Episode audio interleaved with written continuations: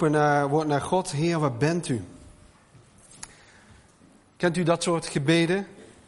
Dat je wel eens bidt, Heer, waar bent u? Ik wil eh, eigenlijk de, de, ik maar zeggen, de tweede preek aftrappen. Die gaat over het thema life story. En ik denk iedereen, ongeacht je achtergrond of je leeftijd of je levensovertuiging, je krijgt allemaal te maken met levensverhalen. Grote verhalen die in ons leven plaatsvinden. Gebeurtenissen die in jouw leven gebeuren, die alles in één keer even stil lijken te zetten. Slecht nieuws van een arts, een breuk in je relatie, gebeurtenissen in de familie, ontslag. Vul het maar in.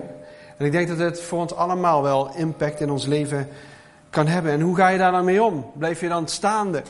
Blijf je dan overeind? En we willen als kerk daarbij stilstaan om niet alleen maar goed bedoelde adviezen te geven, maar daar echt eerlijk en oprecht ook mee bezig te zijn. Volgende week zijn Jan en Linda aan de beurt en ze zullen een aantal mensen interviewen die ergens doorheen zijn gegaan en we zullen van hun terug horen hoe dat ze daar hun weg in hebben gevonden. En vorige week heeft Jacob Jan dat prachtige verhaal van Horatio Stepford aangehaald.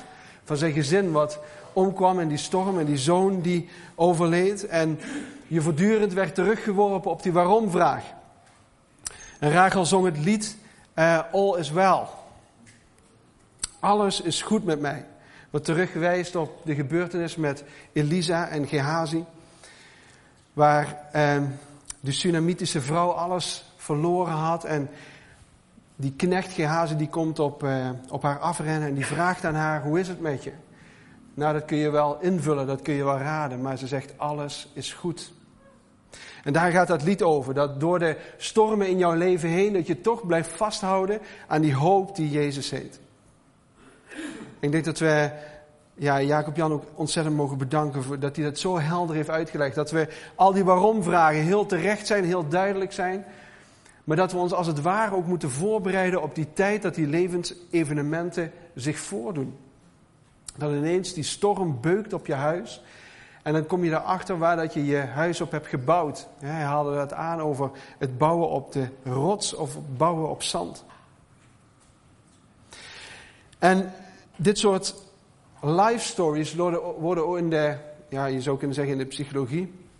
Daar houden we niet van in de kerk, maar in de psychologie, psychologie wordt het ook wel live events genoemd.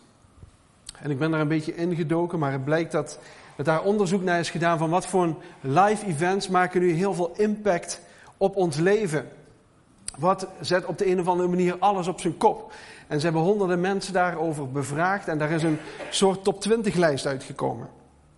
En ik wil er een paar zo uithalen. Op 20 je hypotheek. Op 19 veranderingen in aantallen meningsverschillen met je partner. Ander werk gaan doen. Dood van een goede vriend. Veranderingen in je financiële situatie. De intrede van een nieuw gezinslid of problemen met seks. Zwangerschap. Veranderingen in de gezondheid van een familielid. Ontslagen worden, je huwelijk. Gevangenisstraf staat ertussen. De dood van een familielid. En op 1, 2 en 3, ja, ik weet niet of dat dan een toplijst is, maar op 3 staat scheiding van tafel en bed. Dus nog geen echtscheiding, maar de scheiding tussen tafel en bed. Op twee staat echtscheiding. En op één de dood van je echtgenoot of van je echtgenote. Een hele lijst van gebeurtenissen die bij mensen kunnen gebeuren dat alles in één keer op zijn kop zet. Grote impact hebben ze. En ik denk dat dat niet alleen impact op jouw leven heeft, maar ook impact heeft op je geloofsleven. Het liefste zou ik een leven willen leven vanuit actie. Ik eh, moet denken aan een preek van Bergen. Hij zegt, als je een christen echt wilt meten, dan kijk je naar zijn reactie en niet naar zijn actie. Een reactie overkomt je, hè, het komt op je af en dan ga je reageren. En een actie helpt om jouzelf in beweging te zetten. En het liefste, en zeker wij Nederlanders, eh, hebben het liefste zelf het stuur in handen. Wij maken zelf wel onze beslissingen en onze besluiten. En op het moment dat ons dan iets overkomt, dan wordt het een beetje lastiger. En wat als het dan allemaal niet lukt en ik faal? Het ene live event gaat je misschien wel beter af dan het andere. En ik heb een filmpje meegenomen en dat filmpje is van Jurjen van Houwelingen. En hij vraagt zich af, er wordt vaak hier van alles gezegd vanaf het podium. Een leven van geloof moet je leven. Maar dan gebeuren er dingen in jouw leven en dan begint alles te schudden en dan ga je twijfelen. Laten we daar even naar kijken.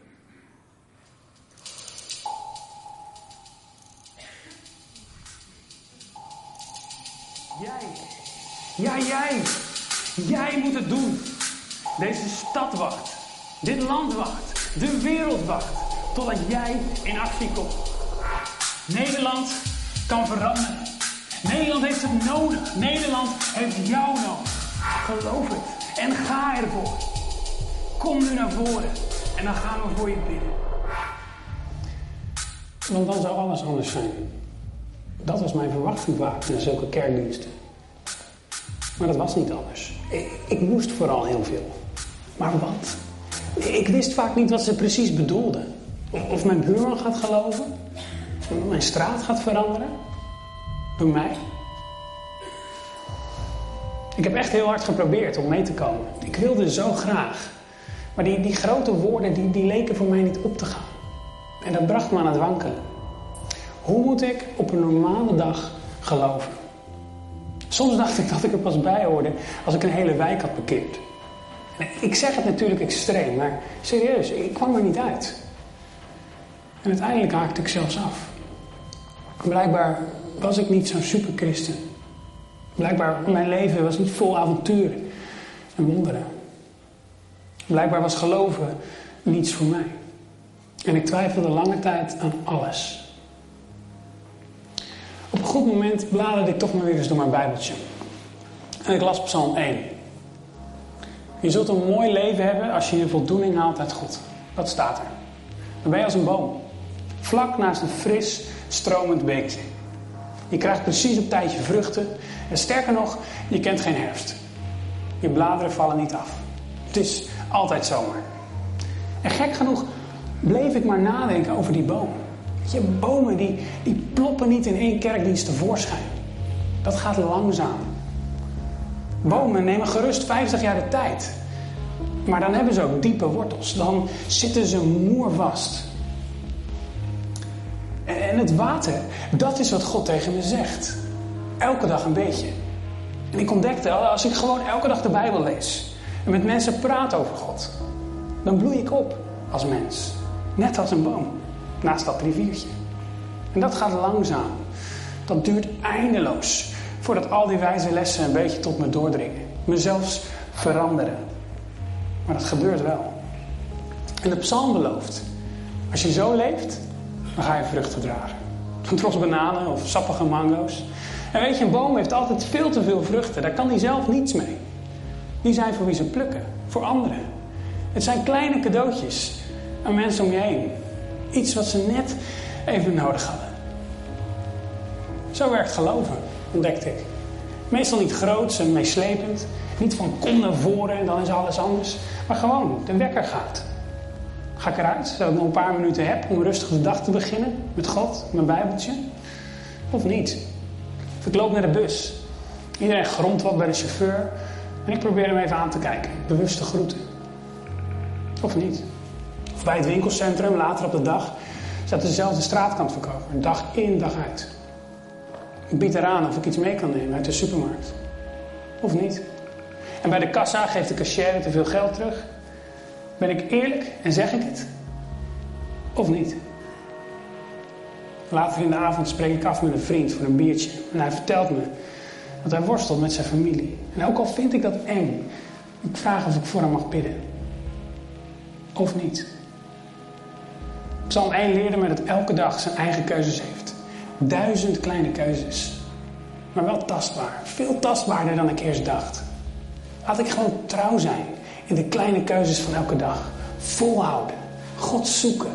Me in Hem verdiepen. Dan ben ik als een, een jonge stek. Net geplant bij dat stromende water. En dan word ik na heel, heel veel jaren een echte boom. die je met geen mogelijkheid meer uit de grond krijgt. En die elke dag een paar vruchten laat vallen. Zodat mensen om mij heen ervan kunnen genieten.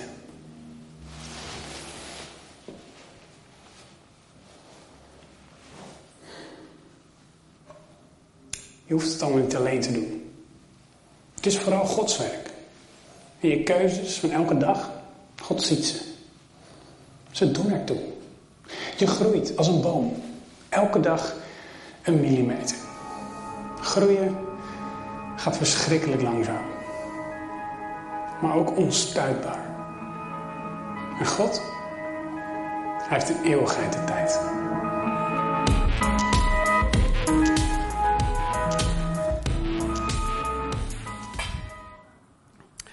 Een heerlijk stukje waar ik mezelf ontzettend in kan herkennen.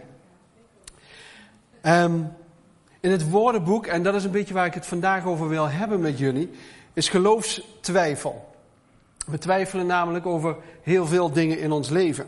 Gaat zo'n beetje de hele dag door. In het woordenboek staat dat twijfel onzekerheid is, gebrek aan vastigheid, je, je heroverweegt je bestaande zekerheden.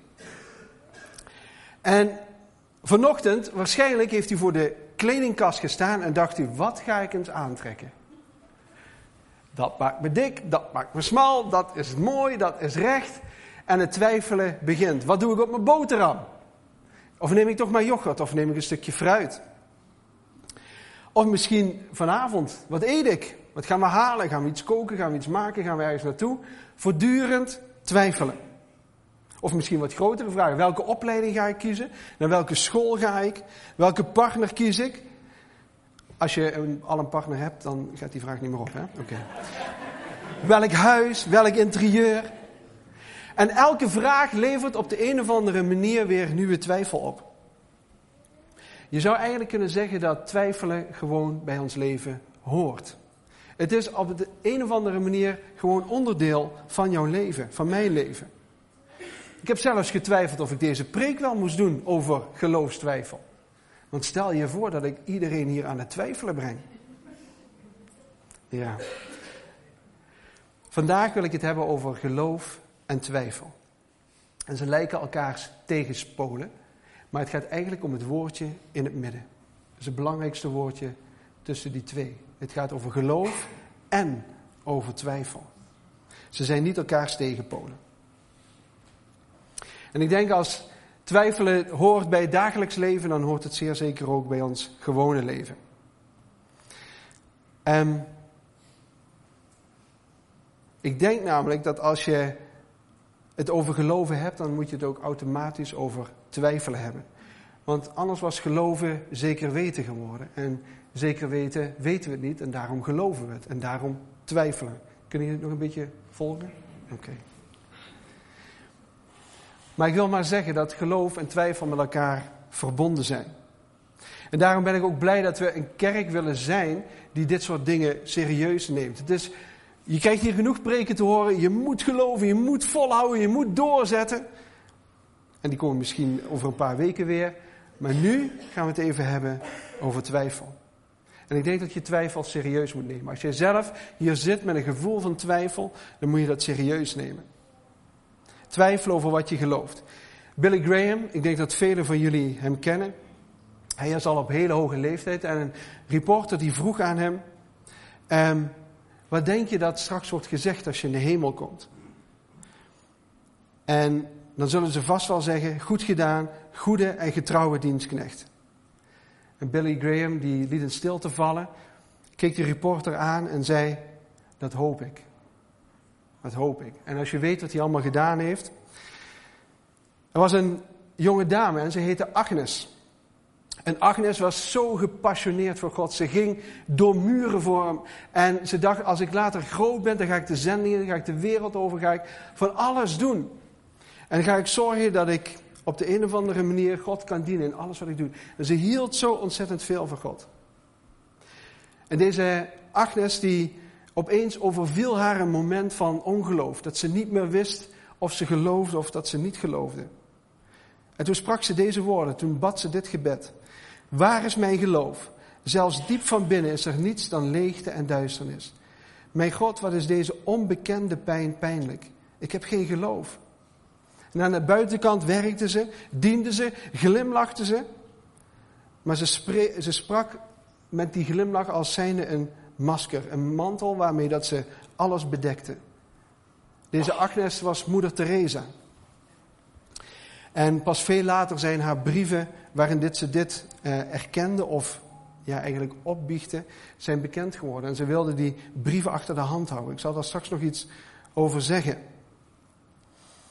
Maar misschien is dat wel herkenbaar, zo'n gebed of zo'n moment dat het je ineens overvalt. Ik kan me nog herinneren, als tiener zat ik zo een beetje in dat blok van de zaal. Eh, net achter het voorste deel. En eh, als tiener ben je veel meer bezig met alles wat er om je heen gebeurt dan wat er op het podium gebeurt. En ik keek rond en de een stond en zong in volle aanbidding. En de ander die ging naar de wc toe, de ander ging bladeren in zijn Bijbel. De ander die zat naar de dakspanten te kijken. Als tiener zie je veel. En terwijl ik rondkeek, toen dwaalden mijn gedachten zo'n beetje af. En toen dacht ik, ik kan me het moment nog heel goed herinneren. Is het wel allemaal waar? Is het wel allemaal waar wat mijn school, zonderschooljuffrouw verteld heeft, wat mijn ouders verteld hebben? Wat er gezongen wordt, wat er vanaf het podium gezegd wordt, is het wel allemaal waar? Ik begon aan van alles te twijfelen. En ik denk dat dat een goed moment is om dat als tiener te hebben, want dat hoort bij jouw geloofsleven. En later, toen ik begon te werken, kreeg ik een hele mooie baan als docent. En uiteindelijk mocht ik ook mentor worden van een klas. En wat was ik trots op mijn eerste klas. Ik leerde de namen, de achtergronden en de dossiers van de leerlingen. Nog voordat ze op school waren, leerde ik allemaal uit mijn hoofd. Ik wilde dat ze de beste leraar, de beste mentor kregen die ze ooit gehad hadden. Ik investeerde, werkelijk uren in de begeleiding. ik vond het heerlijk om dat te doen. En ik dacht, ik laat vanuit mijn christen, zien, christen zijn zien wat ik allemaal kan en wat, wat er allemaal mogelijk is. En um, een van de leerlingen die werd in de kerstvakantie ziek. Ze kreeg een, een uh, ziekte in haar, in haar darmen.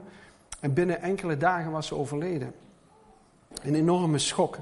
En ik wist eigenlijk helemaal niet wat ik ermee aan moest. En mijn coördinator die zei van ja, we moeten op bezoek gaan Bart. Maar ik was zo groen als gras, ik wist niet wat ik moest doen. Laat staan dat ik wist wat ik moest zeggen. Tegen ouders die hun leven in puin ligt. Een klein jaar later, ik had nog steeds diezelfde klas. En uh, we maakten van alles mee. Ik raakte gehecht aan de leerlingen. En ik hoop de leerlingen ook een beetje aan mij. En een van die leerlingen die kreeg heel veel last van hoofdpijn. En dat bleef me aanhouden en ze, ging, uh, ze bleef van school weg, ze meldde zich ziek. En op een gegeven moment besloten ze toch naar het ziekenhuis te gaan en ze ging door de scan heen en er bleek een enorme tumor in haar hoofd te zitten. En ik zocht daarop in, de, in het ziekenhuis, ik was wat sterker geworden, ik denk dit durf ik wel. Maar de artsen hadden gezegd, we kunnen niks meer voor jou doen. 19 jaar in de bloei van haar leven. En haar toekomst kreeg abrupt een einde. Ik heb haar nog heel vaak opgezocht, ook samen met Katja. En ook haar ouders, nog na het overlijden van haar dochter, hebben we nog regelmatig eh, gezien en opgezocht. We hebben nu nog steeds contact met ze. En deze twee meisjes, Mandy en Carmen, hebben heel veel dingen bij mij opgeroepen waar dat ik over ging twijfelen. Twijfelen over mijn geloof, twijfelen over wat ik geloof, maar ook twijfelen in wie ik geloof. En soms heb ik, en ik weet niet of jullie dat hebben, wel eens het gevoel, was ik maar eens wat slimmer. Dat ik God op de een of andere manier kon uitpluizen. Heer, wat bedoelt u nu? Dat ik het snap, dat ik het intellect heb om erbij te komen. En soms voelt het net als een soort onmogelijke wiskundeopgave die je dan op school krijgt en die je probeert te begrijpen en te snappen. Een trein vertrekt vanuit Rotterdam en een trein vertrekt vanuit Maastricht. En de een rijdt 80 km per uur en de ander 60 km per uur. En waar komen ze elkaar dan tegen? Lastige vragen. En je probeert daar met je intellect, met je verstand bij te komen. Het gevaar is een beetje dat intellect of dat ons snappen het uitgangspunt wordt om God te begrijpen. Maar als ik om me heen kijk, dan zie ik dat slimme mensen net zo goed een zooitje van hun leven maken. Net zoals minder intelligente mensen. Zoals ik. Prediker, prediker 1, vers 17 tot 18, daar staat het volgende. Ik heb, er met hart, ik heb er met mijn hart en ziel voor ingespannen te ontdekken wat wijs is en wat dwaas is en onverstandig. Maar ook dat, zo heb ik ingezien, is enkel het najagen van wind. Want wie veel wijsheid heeft, heeft veel verdriet. En wie kennis vermeerdert, vermeerdert smart. Blijkbaar met mijn intellect, met mijn denken kan ik er niet bij. Ik las een leuk grapje over een piloot, een padvinder en de slimste mens ter wereld. Zij zaten samen in het vliegtuig. En er gebeurde wat met het vliegtuig en het bleek dat het vliegtuig neer zou gaan storten. Paniek in de tent. Zegt die padvinder, wij hebben maar twee parachutes. Een probleem. Drie mensen, twee parachutes. Die slimste mens die pakt die parachute, die zegt, het is belangrijk dat ik blijf leven, want ik ben de slimste mens ter wereld. Um, en de wereld heeft mij nodig. Hij pakte de rugzak en hij sprong naar buiten. De piloot keek de padvinder aan en die zei tegen hem: Padvinder, je hebt nog je hele leven voor je. Pak jij nou maar die parachute en spring maar naar buiten. Ik laat het vliegtuig wel neerstorten. De padvinder zei: De slimste mens heeft net mijn rugzak genomen en is gesprongen. Hier zijn nog twee parachutes. En weet u, onze wereld zit vol met slimme mensen die met een rugzak uit het vliegtuig springen. En eenvoudige en ongeschoolde mensen blijken soms grotere wijsheid te bezitten dan wetenschappers die dwaze keuzes maken. Maar één ding is zeker, er komt een tijd dat het vliegtuig gaat neerstorten en dat je moet springen. En pas als je springt, weet je wat er in je rugzak zit. En welke keuzes dat je hebt gemaakt. Twijfel is dus niet op te lossen door het te beredeneren, door het te snappen van God. En het is vooral geen zaak van het hoofd. Is twijfelen bijbels? Kun je ook afvragen. Komt twijfel eigenlijk wel in de Bijbel voor? Talloze malen. Ik schrok er zelfs van. Het begint eigenlijk al op de eerste bladzijden in de Bijbel.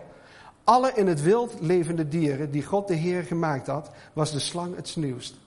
En dit dier vroeg aan de vrouw: Is het waar dat God heeft gezegd dat jullie niet van die boom mogen eten? Daar begon de eerste twijfel te komen. Jeremia, Gideon, Mozes twijfelen allemaal over hun roeping. Abraham en Sarah twijfelen over de belofte die God hen geeft. En in Johannes 7, vers 18, daar gebeurt iets bijzonders. Dat wil ik misschien eventjes met jullie lezen. Johannes 7, Nee, sorry, Lucas. Lucas 7.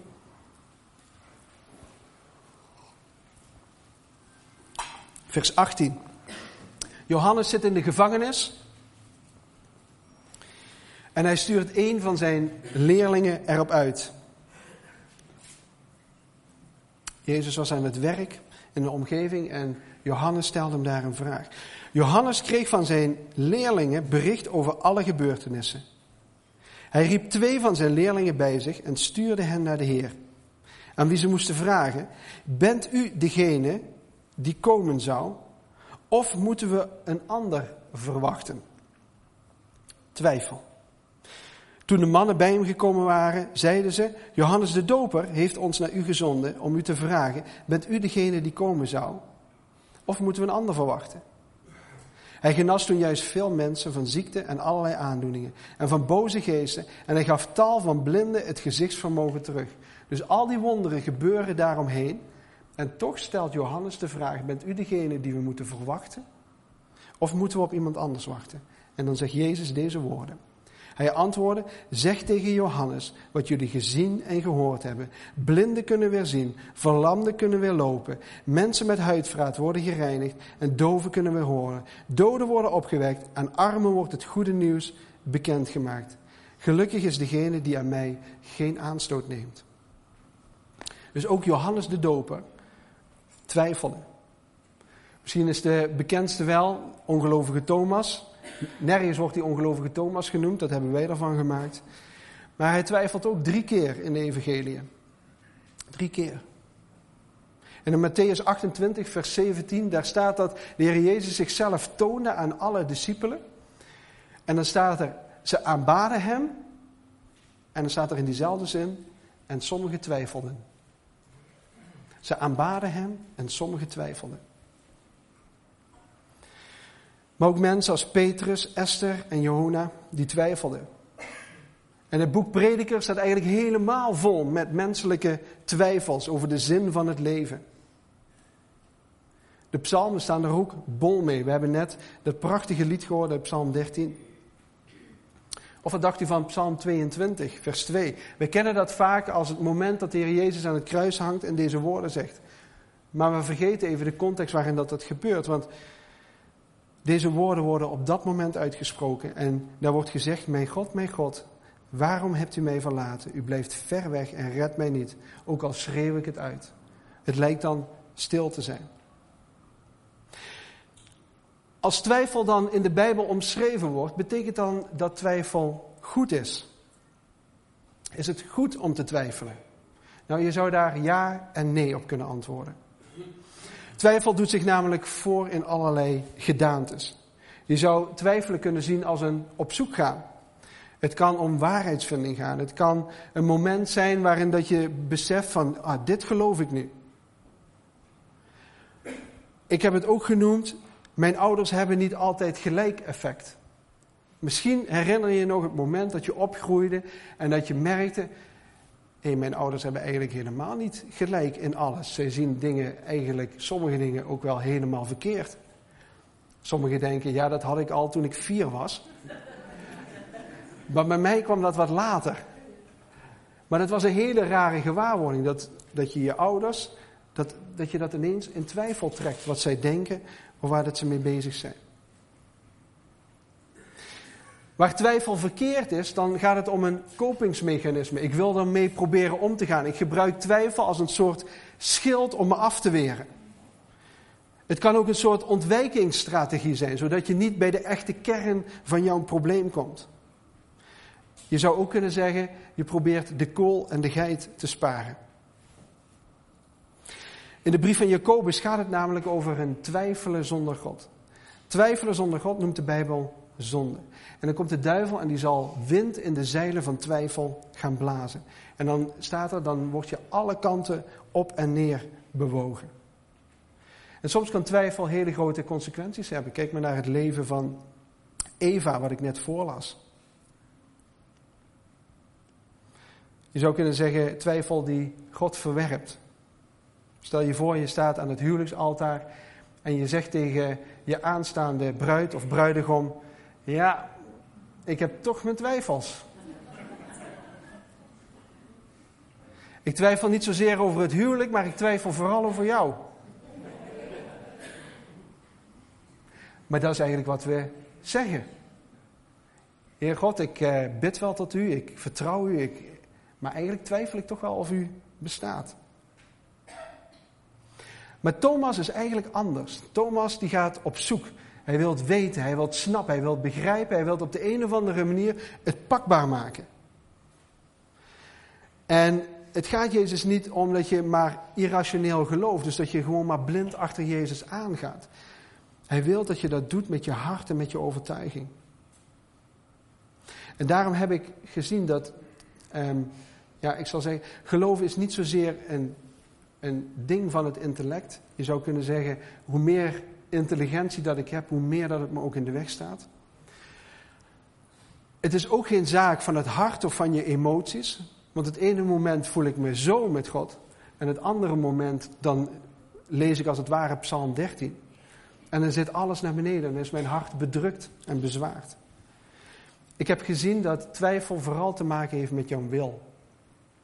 De wil om te geloven. Ik geloof namelijk dat als je niet wilt geloven, er altijd een manier is om niet te geloven. En als je wilt geloven, is er altijd een wil om wel te geloven.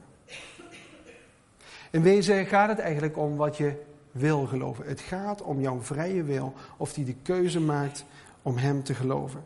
Daarom is het geen zaak van de reden of van de ratio. Kan allemaal helpen. Het is geen zaak van het hart en van je emoties en van jouw gevoelens. Maar het gaat er eigenlijk om, wil ik mijn wil als het ware onderwerpen aan de Heer Jezus. En wil ik hem vertrouwen en snappen wat ik wil doen en wat ik wil zeggen en wat ik wil navolgen. En wat doe je met vertrouwen? Je neemt een risico. Je neemt een risico. Zowel met geloven, maar ook met niet geloven, neem je een risico. Niemand trouwt vanuit de ratio en niemand trouwt alleen maar vanuit het hart. Je trouwt met iemand omdat je graag wilt trouwen. Je gelooft niet vanuit je ratio, je gelooft niet vanuit je hart, maar je gelooft omdat je dat wil. Wat moeten we dan met die vervelende twijfel?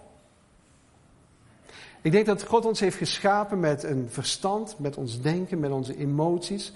Ik geloof dat God heeft geregeld dat wij kunnen redeneren. Dat wij kunnen nadenken over de dingen. Dat we onze zekerheden in twijfel stellen. In twijfel trekken. En zo werkt dat met ons verstand. Dus twijfel hoort ook bij wie wij zijn. Maar eigenlijk zouden we moeten doen zoals Johannes de Doper net deed. Hij wist niet zeker of Jezus de Messias was. Hij wist niet zeker of hij het bij het rechte eind had. En hij ging met zijn twijfel naar Jezus. Hij kon zelf niet bij Jezus komen. Wij kunnen zelf ook niet fysiek bij Jezus komen. Maar Johannes de Doper die gaat met zijn twijfel, met zijn niet weten, gaat hij naar de Heer Jezus toe. En ik denk dat je dat moet doen. Als je hier zit en je hart zit met twijfel bezaaid, en misschien is het wel een heel klein beetje, en misschien is het wel heel veel. Misschien denk je wel, nou ja, dit is de laatste zondag die ik in ieder geval ga meemaken. Dan weet je waarom dat je hier bent. Twijfel maakt onderdeel van jouw geloofsleven. En ik zag een heel mooi plaatje van een puzzel. En ik denk dat je twijfel eigenlijk zou kunnen zien als een puzzelstukje. Een puzzelstukje laat je namelijk niet het geheel zien of de grote afbeelding zoals die bedoeld is. Een puzzelstukje laat je altijd maar een klein gedeelte zien van het hele grote plaatje. En als je jouw twijfel, als je jouw zeker weten nou eens vastneemt en je zou zeggen dit is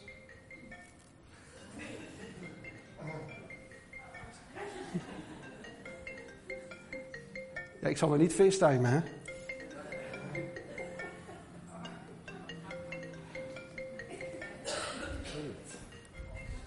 Ik wacht even. Iemand bij bemoedigen. Misschien wel, ja. En je zou kunnen zeggen dat jouw twijfels allemaal van die kleine puzzelstukjes zijn. Je begrijpt het nog niet helemaal, je snapt het nog niet helemaal, maar je hebt een puzzelstukje vast. En ik denk dat er in uw en in mijn leven allemaal dingen zijn gebeurd waarin dat je niet om God heen kunt. Hij heeft daar in, op dat moment zo duidelijk gesproken. Hij heeft je misschien zo duidelijk dingen laten zien. Hij heeft je zo ergens doorheen geholpen. En het is als het ware dat je dat puzzelstukje vasthoudt. En je denkt, ik begrijp het nog niet helemaal. Ik snap het nog niet helemaal. Maar ik heb wel een puzzelstukje vast. Ik zie het geheel nog niet. Ik snap het nog niet helemaal. Maar ik ga het leggen. En ik pak een volgend puzzelstukje en ik ga het leggen. En ik ga het leggen. Ik wil besluiten met drie, ik zal maar zeggen, wat bemoedigende uitspraken over twijfel. Twijfel ten eerste maakt je sterker. Geloven zonder twijfel maakt geen groei door. Het is net zoals dat Jurje net zei in het filmpje. Als zo'n boompje geplant is, dan groeit een boom onstuitbaar. Je kunt het niet meer stoppen. Het is aan het groeien. En zo is het met twijfel ook. Twijfel helpt jou om een sterker geloof te krijgen. Als ik terugdenk aan die momenten dat ik daar in de zaal zat of dat ik bij deze twee meisjes op bezoek was, uiteindelijk heeft het mijn geloof versterkt. Toen op dat moment niet, ik snapte het niet. Ik begreep het niet. En nog, ik kan het nog niet helemaal uitleggen. Maar toch wist ik, ik heb zo'n puzzelstukje vast. En misschien ben je ook wel opgegroeid in een omgeving waar twijfelen eigenlijk helemaal niet oké was. Je moest altijd maar vertrouwen, je moest altijd maar volhouden, je moest altijd maar erachteraan gaan. Maar ik wil zeggen, hier is ruimte om te twijfelen, als je het niet zeker weet. Maar ik geloof dat zo'n veranderingsproces je echt sterker maakt. En bovendien is het veel interessanter. Ik heb in mijn eigen leven gemerkt dat door twijfel heen gaan, datgene overblijft wat veel meer waard is. Je bent minder gevoelig voor wat er in je omgeving gebeurt en uiteindelijk word je daarmee sterker. En wees eerlijk, de grootste groei maak je toch door in de tijden dat je het allemaal niet zeker weet. Als je te midden van onzekerheid toch kunt vertrouwen, als je te midden van niet weten of twijfelen toch blijft vasthouden, uiteindelijk word je daar sterker van. En je wordt er misschien niet zekerder van, maar je wordt er wel trouwer van. En ik heb hier opgeschreven, als zekerheid niet mogelijk is, dan zit trouw nog aan tafel. Twijfel maak je nederig. Lastig woord. Geloofstwijfel maak je een stuk nederiger. Sommige christenen zouden betere gelovigen zijn als ze iets meer zouden twijfelen. Sommige mensen heb ik wat wantrouwen voor, omdat ze precies weten hoe dat God zou reageren. En meestal is het precies in lijn met hun eigen theologie of hun eigen overtuigingen. Ook hun eigen verlangens, wensen en visie. Ik zal daar vast ook aan meedoen. Ik las een mooie anekdote in een kerk. Er stond een man op tijdens de dienst en hij bracht dan een woord van de Heer. Hij zei, ik heb een woord van de Heer. Zo spreekt de Heer. Zoals ik met Abraham was bij, toen hij de kinderen Israëls door de woestijn heen leidde, zo zal ik ook met u zijn. Hij ging zitten. Zijn wijze vrouw boog zich naar hem toe, fluisterde wat tegen de man en de man stond weer op. Zo spreekt de Heer. Ik zat ernaast, het was Mozes.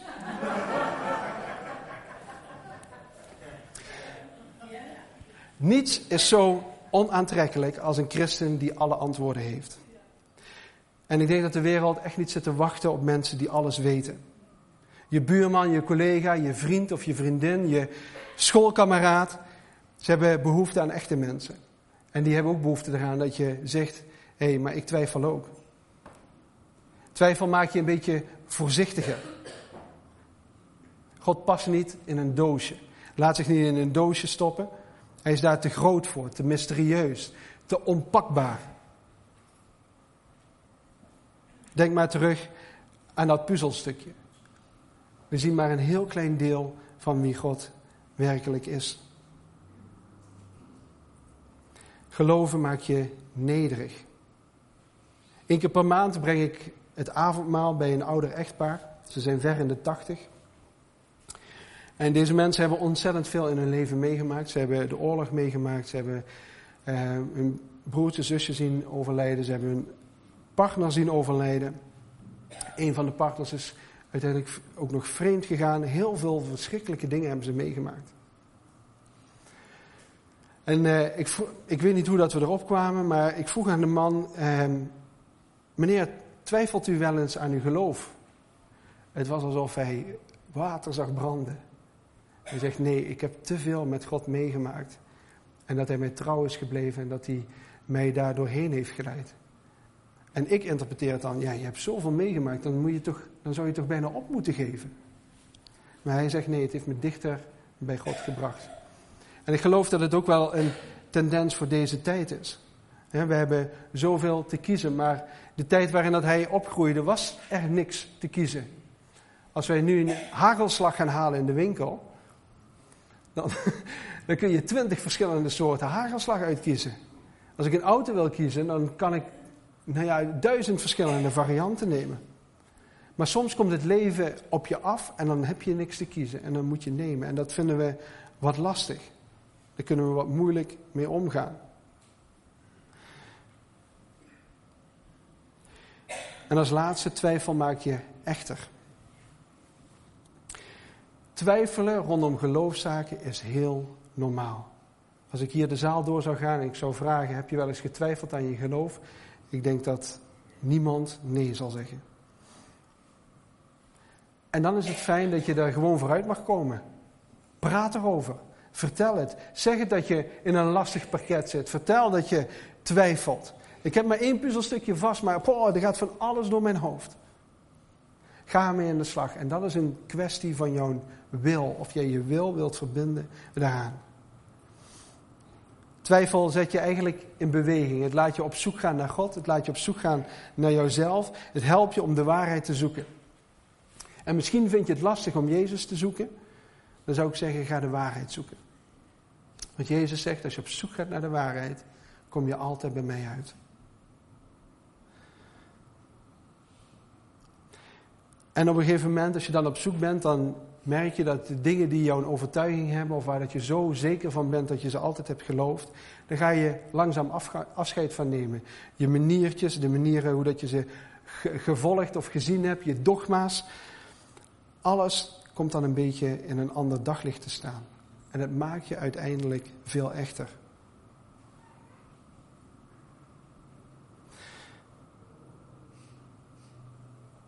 Um,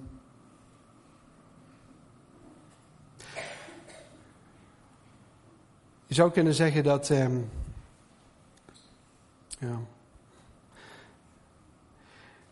Paulus die zegt het zo ontzettend mooi in 1 Korinthe 13, vers 12. Nu zien we God nog niet, zegt hij. We kunnen God nu nog niet waarnemen. We kunnen nog niet precies zien hoe dat Hij is. We merken wel dat Hij er is, maar we zien Hem niet. Maar straks in de nieuwe wereld, in de wereld die nog komen gaat, zullen we God met onze eigen ogen zien. Dan zien we de hele puzzel. Dan is elk stukje op zijn plek. Nu weten we nog lang niet alles over God, staat er in de Bijbel in gewone taal. Maar dan zullen we hem echt kennen zoals hij ons nu al kent. Dus God die ziet ons al zoals we echt zijn. En dat is zo mooi dat God dus niet over ons kan twijfelen. God twijfelt niet over jou. Hij twijfelt niet dat jij er bent, dat jij leeft, dat hij jou bedoeld heeft, dat jij jou gewild heeft. Er is geen moment wat in hem opkomt, want hij kent jou volledig. Hij twijfelt niet over jou. En wij, wij kunnen God nog niet waarnemen, wij kunnen hem nog niet zien. Maar er komt straks een tijd waarin dat we die hele puzzel zullen zien. En dan blijkt alsof je de goede rugzak hebt gekozen. Of je op de juiste manier naar beneden bent gesprongen. Of dat je de slimste mens ter wereld bent. Ik wil besluiten met het verhaal van moeder Teresa. Ik vertelde u dat, hij, dat zij dat gebed bad.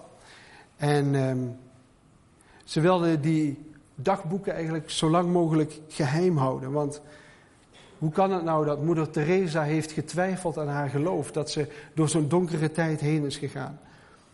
En ik las er zoiets moois over en dat wil ik jullie gewoon ook voorlezen.